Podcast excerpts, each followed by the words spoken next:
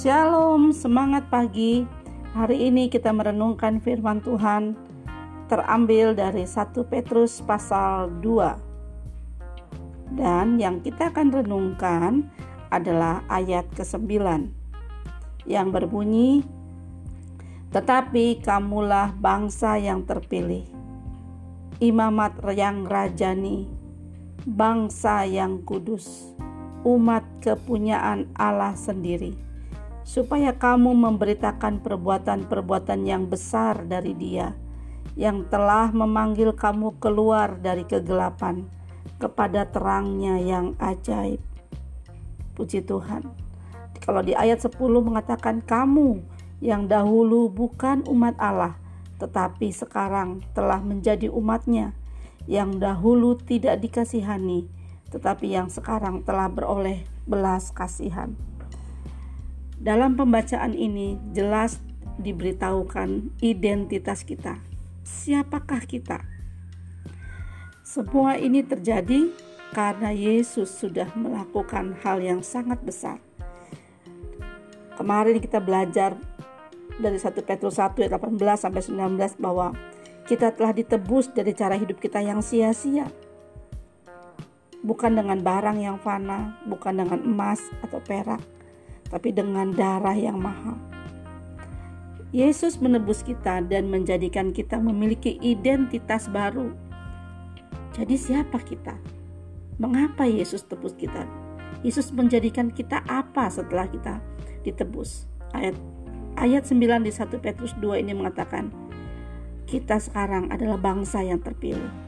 Memang kita bangsa Indonesia. Tetapi ketika kita menerima Yesus, menerima karya Yesus dalam hidup kita.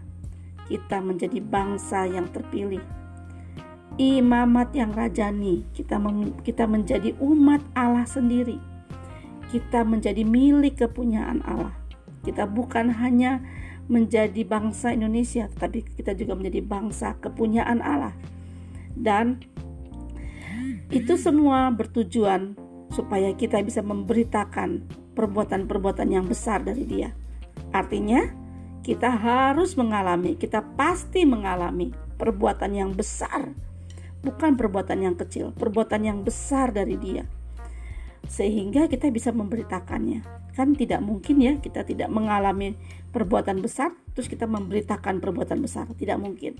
Jadi, kalau Tuhan katakan bahwa, kamu akan memberitakan perbuatan-perbuatan yang besar, Artinya kita pasti mengalami perbuatan-perbuatan yang besar dari dia. Dan kita juga dipindahkan dari kegelapan, kita keluar dari kegelapan kepada terang. Kadang-kadang kita berpikir, aduh masa depan saya seperti apa ya? Kayaknya gelap deh, tidak jelas. Tapi hari ini firman Tuhan mengatakan bahwa semua itu akan terang, akan jelas. Bahkan sudah jelas di dalam Yesus selalu ada masa depan. Anak-anak semua, mari kita bersemangat karena kita adalah bangsa yang terpilih. Kita adalah imamat yang rajani.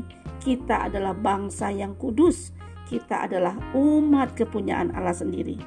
Dan kita akan memberitakan perbuatan-perbuatan yang besar dari Dia.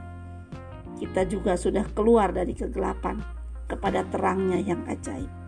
Puji Tuhan.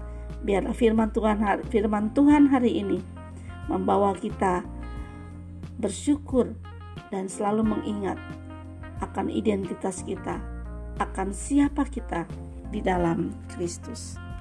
Puji Tuhan.